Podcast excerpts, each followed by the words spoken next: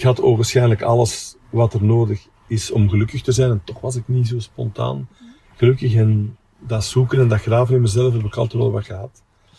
En de eerste, eerste schreden op dat pad van zelfontwikkeling heeft mij veel geleerd, heeft mij ook gelukkiger gemaakt. En goesting doen krijgen om dat te blijven doen. Ja. Dus hoe dat, en ik, ik blijf er Ja. ook een grote voorstander van, van we leren heel veel eh, eh, eh, theoretische wijsheid aan de UNIF, of op de hogeschool, of wherever, maar we, besteden zo weinig, we investeren zo weinig in onze persoonlijke ontwikkeling.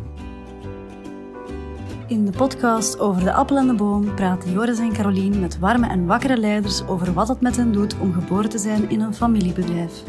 Valt de appel ver van de boom of net niet? Luister zeker verder via uw favoriete podcastkanaal.